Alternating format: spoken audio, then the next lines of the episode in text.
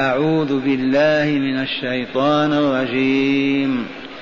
ويسألونك عن المحيض. قل هو أذى. فاعتزلوا النساء في المحيض. ولا تقربوهن حتى يطهرن. فإذا تطهرن فأتوهن من حيث أمركم الله. إن الله يحب التوابين ويحب المتطهرين. نساؤكم حرث لكم فأتوا حرثكم أنا شئتم وقدموا لأنفسكم واتقوا الله واعلموا أنكم ملاقوه وبشر المؤمنين. اللهم اجعلنا منهم. حتى يبشرنا رسول الله. ويسألونك عن المحيض قل هو أذى فاعتزلوا النساء في المحيض ولا تقربوهن حتى يطهرن فإذا تطهرن فأتوهن من حيث أمركم الله. إن الله يحب التوابين ويحب المتطهرين. نساؤكم حرث لكم فأتوا حرثكم أنا شئتم وقدموا لأنفسكم.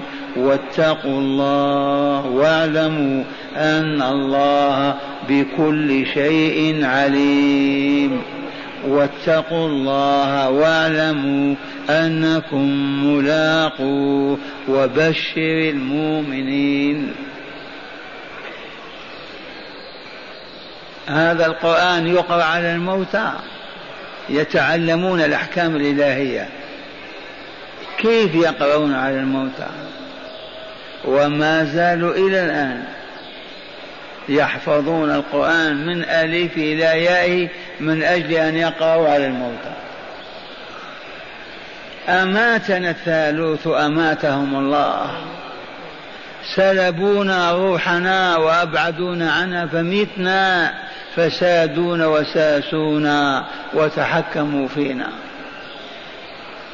عرفوا أن حياة هذه الأمة متوقفة على هذا القرآن العظيم حفظا وتعبدا واستخراجا للأحكام والشرائع وعملا وتطبيقا. القرآن روح ولا حياة لفرد أو جماعة أمة بدون روح. فهذه الأحكام كيف نسمعها الميت؟ بسم الله يسألونك عن المحيض. ما المراد من المحيض؟ الحيض أو زمن الحيض. هل يصح للفحل المؤمن أن يجامع امرأة وهي حائض؟ الجواب لا. لا. فلفظ المحيض يطلق على زمن الحيض ومكان الحيض. الفرج مكان الحيض ويطلق على الحيض نفسه فهو مصدر هذا التحيض حيضا. أي هل يجوز للرجل أن يطأ امرأته أو جاريته وهي حائض؟ من سأل؟ المؤمنون. طلاب, طلاب العلم والهداية. والرسول إن لم يكن له علم ما كان عالما يتلقى المعارف من الله. لما سألوا أجابهم الله فعلمهم رسول الله صلى الله عليه وسلم. ولهذا الأسئلة الشرعية ممدوحة محمودة لكن لا أسئلة التنطع والإحراج. من أراد أن يعبد الله فليسأل كيف يعبده. وبما يعبده وإذا ارتبك في شيء هل هو حلال أو حرام يوقف عمله حتى يسأل ويعلم. يسألونك ويسألونك عن المحيض لأن الأسئلة تقدمت. يسألونك عن القتال يسألونك عن الإنفاق يسألونك عن اليتامى. إذا ويسألونك عن المحيط قل يا رسولنا والمبلغ عنا صلى الله عليه وسلم قل هو أذى. أذى منكر. إن وقفت قل أذى. والأذى ما يؤذي الإنسان. في دمه في عرضه في ماله. إذا فنكاح المرأة وهي حائض في أذى يؤذي الفحل بالمرض. إذا فبناء على هذا فاعتزلوا النساء في المحيض.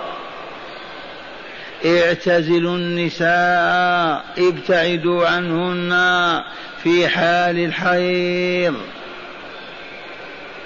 والسبب في السؤال أن اليهود عليهم لعائن الله جيران الأنصار المهاجرين عندهم في دينهم في بدعهم. أي دين لهم؟ مسخوه. أن المرأة إذا حاضت لا ينام الزوج في فراشها يطردها كالكلبة لا تقربي مني. ولا يقرب منها. فلما جاء التشريع بدأ بدأت طلائع الإيمان والإسلام سألوا الرسول اليهود شأنهم كذا ونحن هل نعتزل النساء كما اعتزل اليهود؟ نساءهم أم لا؟ كان هذا سبب السؤال. فقال تعالى فاعتزلوهن في المحيض ولا تقربوهن حتى يطهرن. أي بانقطاع حيضهن. اعتزلوا النساء. ليس الاعتزال بأن يربطها في غرفة ويغلقها عليها أو يقول اسمعي ما دمت حيض. لا تأتي إلى جنبي ولا أراك. فقط بأن لا يطأها. ينام إلى جنبها وتنام إلى جنبه ويواكلها ويشاربها وتآكله فقط لا يطأها. وإن احتاج إليها استطاع أذن له أن يقول لها استثفري أو شد شيء على فرجك ويتلذذ بكافة جسمها. ولا حرج. قال ولا تقربوهن أي بالجماع حتى إلى غاية ماذا؟ يطهرن. كيف يطهرن؟ أولا بانقطاع دم الحيض. ودم الحيض هو الدم الأسود الخافر الأحمر. هذا الدم سنة الله عز وجل في خلقه أن الأنثى من المؤمنات تحيض إذا كانت غير حبلى فإن حملت فالدم الزايد هو غذاء الجنين. فإذا ما ببطنها حمل كل شهر تفرز هذا الدم الذي يتجمع بحكمة الله وإرادته في خلقه حتى تحمل. إذا حملت انقطع الدم. ونادر ما يخرج دم وليس بحيض. والمدة أقله يوم ليلة وأكثره خمسة عشر يوما. أقل الحيض يوم ليلة. وأكثره خمسة عشر يوما. ما دام مستمرا فلا صلاة ولا صيام ولا وطأ. حتى ينقطع فتغتسل. فإذا بلغت خمسة عشر يوم وما انقطع تغتسل وتصوم وتصلي وتوطأ إن شاء بعلها لأن الحيض انتهى جاء داء مرض يسمى الاستحاضة. وقد ينقطع الحيض في اليومين في الثلاثة أغلبه سبع أيام ستة عند النساء. إذا ولا تقربوهن حتى يطهرن أي ينقطع دم الحيض منهن. فإذا تطهرنا أي اغتسلنا الدم مانع من الجماع وإذا انقطع يبقى المنع كذلك حتى تغتسل. غسل الجنابة.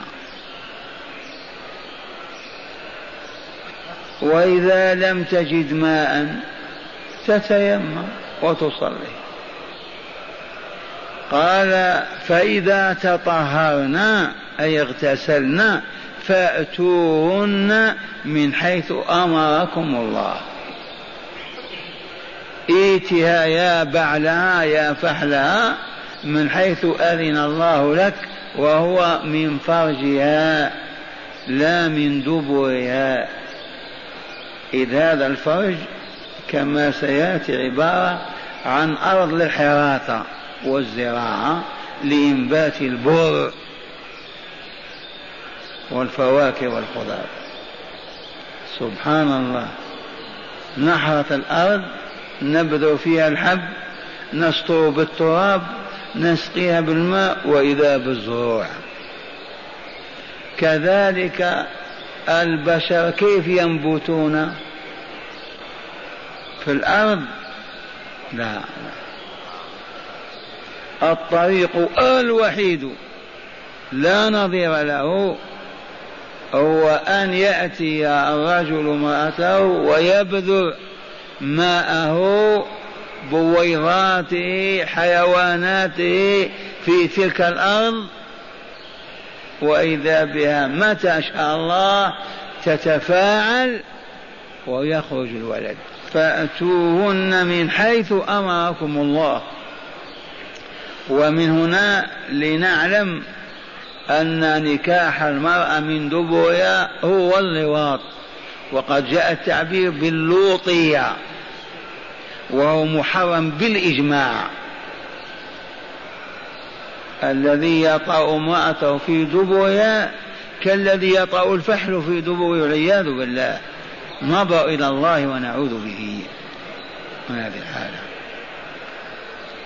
ولذا قال تعالى فأتوهن من حيث أمركم الله.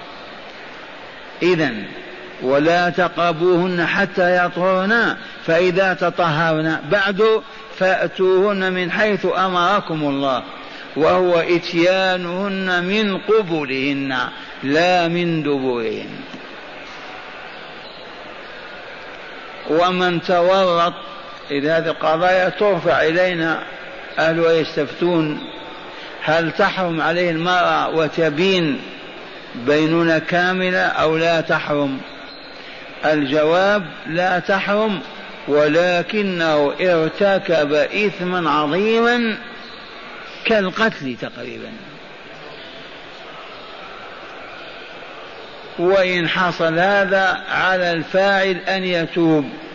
هذه التوبة أولا يواصل البكاء والندم والاستغفار والصدقات حتى تمضي فترة ويشعر بطهارة روحه لأنه يلوث الروح إلى الطاقة.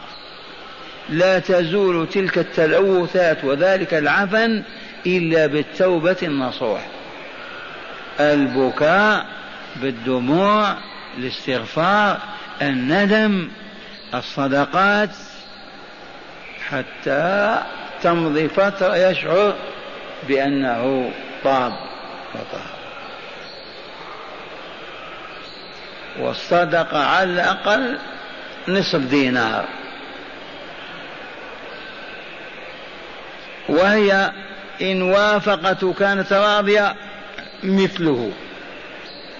في البكاء والصراخ والندم والصدقة. وإن كان أكرهها فلا شيء عليها والإثم عليه. وإن أراد أن يعاودها تطالب بالطلاق وتشنع وتخرج ولا ترضى بهذا المنكر.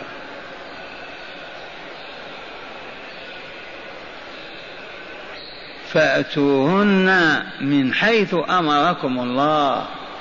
إن الله يحب التوابين ويحب المتطهرين. اللهم اجعلنا منهم. ما نقول بالدعاء اللهم اجعلنا منهم. يجب اولا أن نتوب إلى الله وأن نتطهر من أدراننا من أوساخنا من ذنوبنا من سيئاتنا. الله طيب لا يحب إلا طيبا. من أراد أن يحبه الله فليكن من التوابين. نظر فقط؟ أستغفر الله وأتوب إليه. كلمة فقط؟ أستغفر الله وأتوب إليه. تأخير الصلاة عن وقتها؟ عن الجماعة فقط؟ أستغفر الله وأتوب إليه. هذا التواب كثير الرجعه إلى الله. كلما زلت القدم عاد إلى الله. وهذا يحتفظ بطهارة روحه.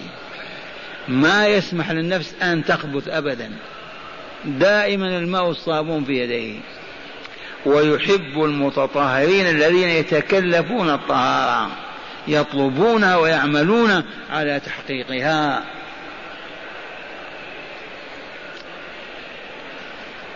وقوله تعالى نساؤكم حرث لكم.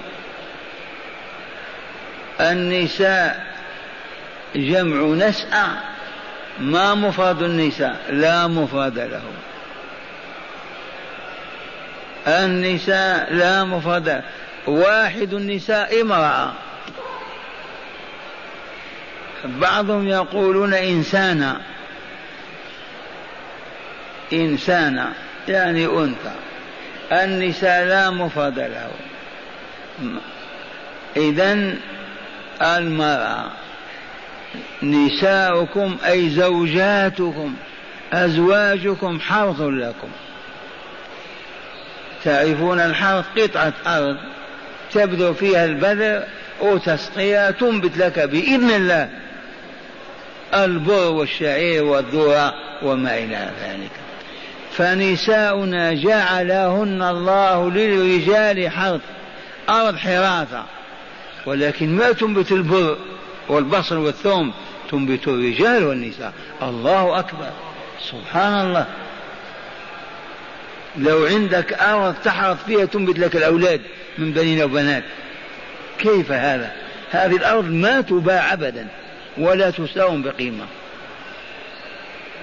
الحمد لله. هذا كلام الله هذا. نساؤكم حرث لكم. إذا فأتوا حرثكم أن شئتم في أي وقت. وكيف شئتم؟ وهذه أخرى أيضا شكوى.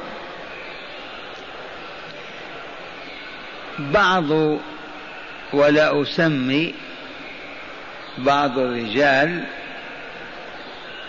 يأتي امرأته من وراء. انتبهتم؟ لكن لا يولج إحليله ذكره في دبرها.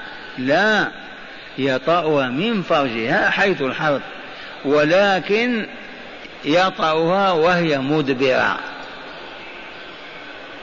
انتبهتم؟ وهذا كان يفعله بعض المؤمنين فكره لهم بعضهم هذا هذا النوع. تحدث بعض النساء انتبهتم؟ بمعنى يأتيها من وراء ولا يطأها في دبر هذا بالإجماع هذا لا يصح لكن يطأ في فرجها الذي هو طريق الحراثة والزرع. فلما تململ بعض الناس من سماع هذا أفتاهم الله عز وجل. سبحان الله. نساؤكم حرث لكم فأتوا حرثكم أن شئتم. وهي قائمة وهي قاعدة مقبلة مدبرة. شأنك يا عبد الله؟ لا إله إلا فأتوا حرثكم كيف شئتم. يبقى هل يأتي الحرث وهي حائض؟ لا. وهي نفساء؟ فقول أن بمعنى كيف؟ لا بمعنى أي وقت. نعم في أي وقت أيضا على شرط أن تكون طاهر ليست حائض ولا نفسا نساؤكم حرث لكم فأتوا حرثكم أن شئتم. وقدموا لأنفسكم. لا إله إلا الله. قدموا للدار الآخرة. هذه أيام معدودة ومحدودة وأنتم ماشون. والله لراحلون قدموا إلى الدار التي تنزلون بها. برقيات شيكات احجزوا في فنادق السماء قبل ضياع الوقت. وفي هذا اللفظ بالذات وقدموا لأنفسكم أن تنوي ببعالك ونكاحك وإتيانك زوجك أن تنجب أولادا وبنين يعبدون الله عز وجل.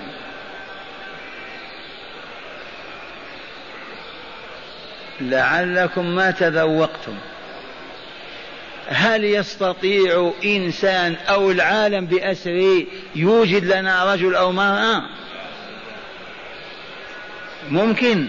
مستحيل. روسيا هذه ذكرنا بها المؤمنين والمؤمنات عشرات المرات. جمعت أطباءها وصناعها وعلماء الذرة وقالوا تعملون على إنتاج الإنسان. حتى إذا استطعنا أن نوجد جيوش آلية نضع أرجلنا على العالم بأسره. ولا يأسف أحد ولا يحزن. اصنعوا من البلاستيك رجال هم يصورونهم وانفخوا فيهم الروح ويصبحون كالبشر ونوجههم لفتح العالم. قالت الأخبار الصحيحة عملوا ثمانية عشر عاما وهم يعملون الليل والنهار على إيجاد جيش من الآلات. يعني إنسان بمعنى في ناس يضعونهم في الطرقات الآن في أوروبا. إنسان واقف هيكل كامل. فقط تنفخ فيه الروح. عاملوا ثمانية عشر عاما ثم أعلنوا عن فشلهم. وقالوا بعد البحث المتواصل في الكون قالوا الروح من عالم أعلى لا توجد في العالم الأسفل. قلنا هذه عجائزنا في القرية تخبر بهذا. ما يحتاج إلى 18 عام تصنعوا والله أيما عجوز مسلمة تقول روح تأتي من الله من السماء. الملك ينفخها. وهم ثمانية عشر سنة وهم يعملون. ورواتب ضخمة يريدون أن يوجدوا جيشا غير بشري يحكمون به العالم. إذا فيا فحل إنوي بوطئك وجماعك إنتاج إنسانا يذكر الله ويشكره. قدم لنفسك. ولهذا على الرجل إذا كان يملك النفقة والسكن أن يتزوج. ما يضيع الوقت. من أجل ماذا؟ من أجل أن ينتج بنين وبنات يعبدون الله عز وجل بالذكر والشكر. ماذا يكلفك؟ أربع آلاف ريال. ألفين مهر ألفين؟ المهم ما دمت قادرا على أن تنتج رجلا ومرأة. أي فرح أعظم من هذا الفرح؟ لا صناعة ولا كلفة. فتح الله لك الباب علمك وضع بين يديك الحرث احرث وأنتج. يا عبد الله قدم لنفسك. وقدموا لأنفسكم تشملوا إنتاج إنجاب البنين والبنات وتشمل كل عمل صالح. قدم مساعدتك على الزواج والله تقديم. مؤمن يريد أن يتزوج فساعدته بمئة ريال وإلا ألف أنت شريك في هذا الأجر لك أجر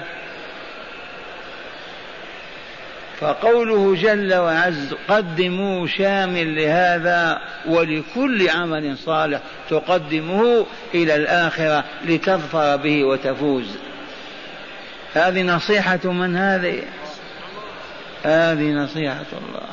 وقدموا لأنفسكم واعلموا أنكم ملاقوه. كذا. وقدموا لأنفسكم واعلموا أنكم ملاقوه. نعم. أعود فأقول نساؤكم حرث لكم. من أعطانا هذا؟ الله. هو الذي أذن. إذا فأتوا حرثكم أنا شئتم. ما معنى كيف شئتم؟ من قيام من قعود عن اليمين عن الشمال من وراء من أمام. مع الاحتراز الكامل وهو أن يطأ في دبرها هذا هو الموت والدمار.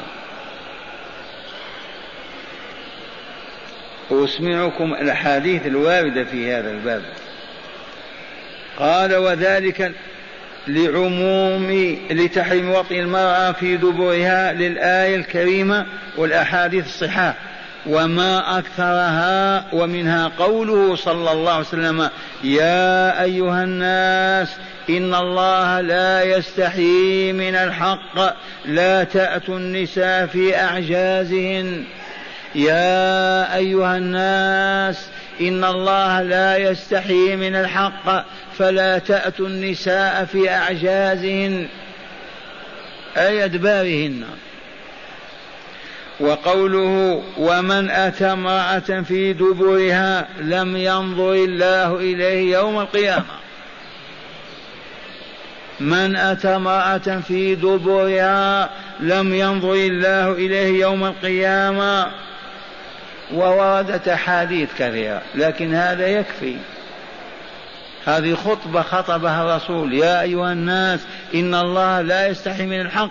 لذا أقول لكم هذا فلا تأتوا النساء في أعجازهن. من أتى من أتى امرأة في دبرها لم ينظر الله إليه يوم القيامة. ومن غضب الله عليه ولم ينظر إليه يدخل الجنة. كيف تنظر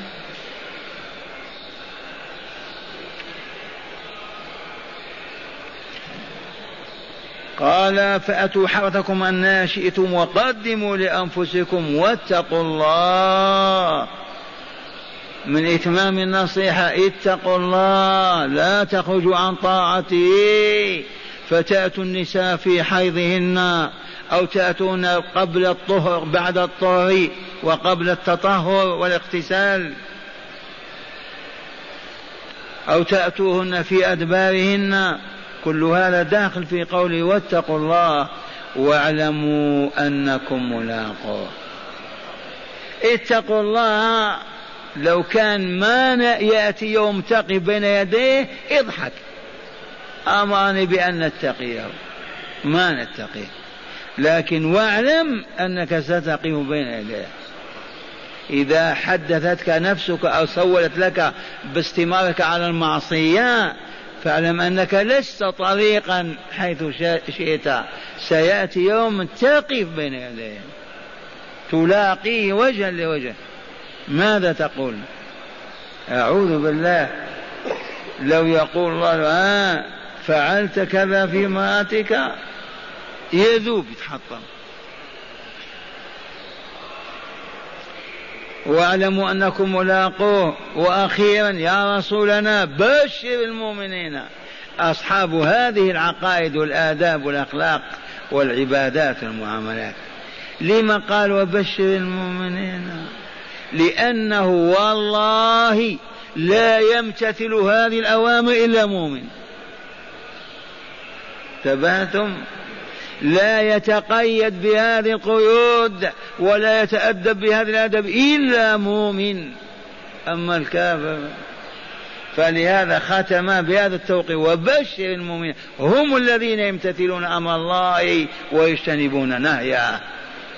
والذي تراهم بين الناس من عدم الطاعة والله لنتيجة إما لعدم الإيمان أو لضعفه. أما أهل الإيمان اليقين الكامل هيهات هيهات أن يتلوثوا بهذه الأوساخ والقاذورات. والآن نسمعكم الآيتين وتفكروا. ويسألونك عن المحيض قل هو أذى فاعتزلوا النساء في المحيض ولا تقربوهن حتى يطهرن. فإذا تطهرن فأتوهن من حيث أمركم الله. إن الله يحب التوابين ويحب المتطهرين. نساؤكم حرث لكم فأتوا حرثكم أن شئتم وقدموا لأنفسكم. واتقوا الله واعلموا أنكم ملاقوه وبشر المؤمنين. والله لو تكتب صحيفة بعشرين صفحة ما تأتي بهذا الكمال في هذه الآية. لا إله إلا الله. لو تملأ صحيفة عشرين صفحة ما يمكن أن تتسع لهذه. عجب هذا. عجب القرآن ولا لا؟ إخواننا من الجن عرفوا هذا ونطقوا به وصاحوا. قل أوحي إلي أنه استمع نفر من الجن فقالوا إنا سمعنا قرآنا عجبا. والمؤمنون خمسة وتسعين في المئة ما يفهمون أنه عجب. ما تذوقوا ما جمع جلسوا عليه ما فهموا. كيف يعرفوا أنه عجب؟ الجن جن نصيبين ما إن سمعوا الرسول يقرأ في صلاة الصبح حتى التفوا حوله. وكادوا يكونون عليه لبدا. وقالوا أنصتوا أنصتوا. ما إن سمعوا حتى قالوا إنا سمعنا قرآن عجبا. وعادوا إلى ديارهم يبلغون دعوة الله.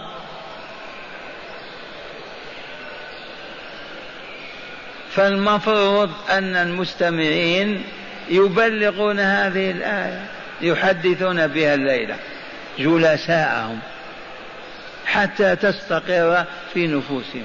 بلغ ولو آية. يوم ما يفتح الله وننطلق يحدث هذا. الآن ما زلنا خاملين. الآن نقرأ الشرح فقط. المفردات واضحة. قال معنى الآيتين قال يخبر تعالى رسوله بأن بعض المؤمنين سألوه عن المحيض. هل تساكن المرأة معه وتؤكل وتشارب أو تهجر بالكلية حتى تطهر؟ إذ كان هذا من عادة أهل الجاهلية. وأمره أن يقول لهم قولنا من عادة أهل الجاهلية وحتى اليهود أيضا. بل اليهود هم اللي كانوا يعتزلون المرأة نهائيا. قال وأمره أن يقول لهم الحيض أذى يضر بالرجل. المواقع الواقع فيه. الحيض أذى يضر ويؤذي الرجل الذي واقع فيه أي جامع فيه. وعليه فليعتزل النساء الحيض في الجماع فقط لا في المعاشرة والمؤاكلة والمشاربة والمبيت لا. وإنما في الجماع فقط أيام سيلان الدم. أيام سيلان الدم بل لا بأس بمباشرة الحائض في غير ما بين الصورة والركبة للحديث الصحيح بذلك في هذا. كما أكد هذا المنع بقوله تعالى لهم ولا تقربوهن أي لا تجامعوهن حتى يطهرن بانقطاع دمهن والاغتسال بعده. لقوله فإذا تطهرن أي اغتسلن فأتوهن من حيث أمركم الله بإتيانهن وهو القبل لا الدبر. القبول الأمام والدبر الوراء قال بإتياننا وهو القبول لا الدبر فإنه محرم. وأعلمهم تعالى أنه يحب التوابين من الذنوب المتطهرين من النجاسات والأقذار. فليتوبوا وليتطهروا ليفوزوا بحب مولاهم عز وجل. في أغلى من حب الله. لو يأتيني خبر هاتف يهتف. على شرط يكون ملك اعلم أن الله يحبك واخرج من بيتك ومالك. والله لفرحت وخرجت. قالوا الشيخ جنة. فلكن نتوسل ونعمل وكلنا رجاء أن يكون يحبنا. من أحبه الله فلينم. من أحبه الله لا يذل لا يخزيه لا يهينه لا يكله إلى غيره. والخطوة الأولى أحبه أنت. أما أنت لا لا لا, لا. غير مستعد لحبه وتطلب منه أن يحبك. هذا خطأ فاحش. ويقول الحبيب صلى الله عليه وسلم أحب الله لما يغدوكم به من النعم وأحبوني بحبي. هذه إذا ذكرتها وكنت في خلوة وذكرت ثيابك النظيفة أو طعامك بين يديك أو إنقاذك من يوم كذا في حادثة كذا على الفور ترتعد فرائسك وتبكي وتحب الله أكثر من حبك لنفسك. والذي ما يذكر هذا ما يحب الله أمر مفروغ منه. أحب الله لما يغذوكم به من النعم. اذكر نعمه تحبه. اذكر إحسانه إليك تحبه. أحسن إلى الناس تستعبد قلوبهم. فطالما استعبد الإنسان إحسانه. والذي يأكل ويشرب كالحمار ولا يفكر ولا يذكر الله كيف يحب الله؟ قال هذا معنى الآية الأولى أما الآية الثانية وهي قوله تعالى نساؤكم حرث لكم. فهي تضمنت جواب سؤال وهو هل يجوز جماع المرأة مدبرا؟ بأن يأتيها الرجل من ورائها إذ حصل هذا السؤال من بعضهم فعلا فأخبر تعالى أنه لا مانع من ذلك إذا كان في القبل لا في الدبور وكانت المرأة أيضا طاهرة من دمي الحيض والنفاس وسمى المرأة حرثا لأن رحمها ينبت أو ينبت فيه الولد. كما ينبت الزرع في الأرض الطيبة وما دام الأمر كذلك فليأتي الرجل امرأته كما شاء مقبلا أو مدبرا. إذ المقصود حاصل وهو الإحصان وطلب الولد. ما معنى الإحصان؟ الحفاظ من الوقوع في الزنا. الإحصان حاصل بهذا الوطن سواء من أمام وإلا من وراء. والولد كذلك ينبت بإذن الله. فقوله تعالى أن شئتم يريد على أي حال من إقبال أو إدبار شئتم شرط أن يكون ذلك في القبل لا في الدبر. ثم وعظ تعالى عباده المؤمنين بقوله وقدموا لأنفسكم من الخير ما ينفعكم في آخرتكم واعلموا أنكم ملاقوا الله تعالى فلا تفع فلا تغفلوا عن ذكره وطاعته. إذ هذا هو الزاد الذي ينفعكم يوم تقفون بين يدي ربكم. ويسائلكم هل فعلت هل فعلت؟ وأخيرا أمر رسوله صلى الله عليه وسلم أن يبشر المؤمنين بخير الدنيا والآخرة وسعادتهما. من كان إيمانه صحيحا مثمرا التقوى مولدا للعمل الصالح. الآن درسنا الآيتين. ذكرنا الله في الملكوت الأعلى. إي نعم. لا تشك. هيا إلى الهداية التي تستفاد أو تهدي اليها هذه الآية. قال اولا حرمة الجماع أثناء الحيض والنفاس لأجل ما فيه من الضار ولقوله تعالى فاعتزلوا النساء في المحيض ولا تقربوهن حتى يطهرن ثانيا حرمة وطئ المرأة إذا انقطع دم حيضها أو نفاسه ولم تغتسل بعد. لقوله تعالى فإذا تطهرن فأتوهن من حيث أمركم الله. ثالثا حرمة نكاح المرأة في دبرها لقوله تعالى فأتوهن من حيث أمركم الله أي أذن لكم وهو القبول. رابعا وجوب التطهير من الذنوب بالتوبة والتطهير من الأقذار والنجاسات بالماء. تطهير النفس بالتوبة والاستغفار وتطهير البدن بالماء. العذب الصافي. خامسا الماء أيما هذا؟ الطاهر أو الطهور؟ لا الطهور. نسيناها هذه.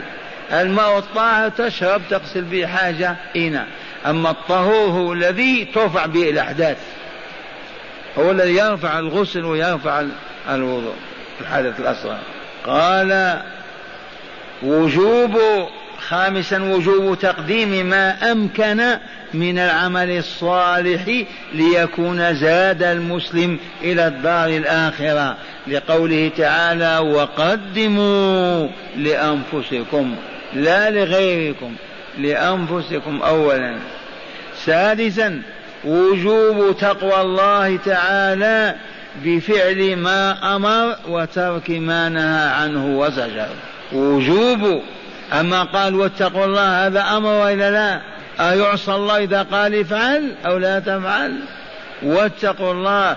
قال وجوب تقوى الله تعالى بفعل ما أمر بفعله وترك ما نهى عن فعله. سابعا بشرى الله تعالى.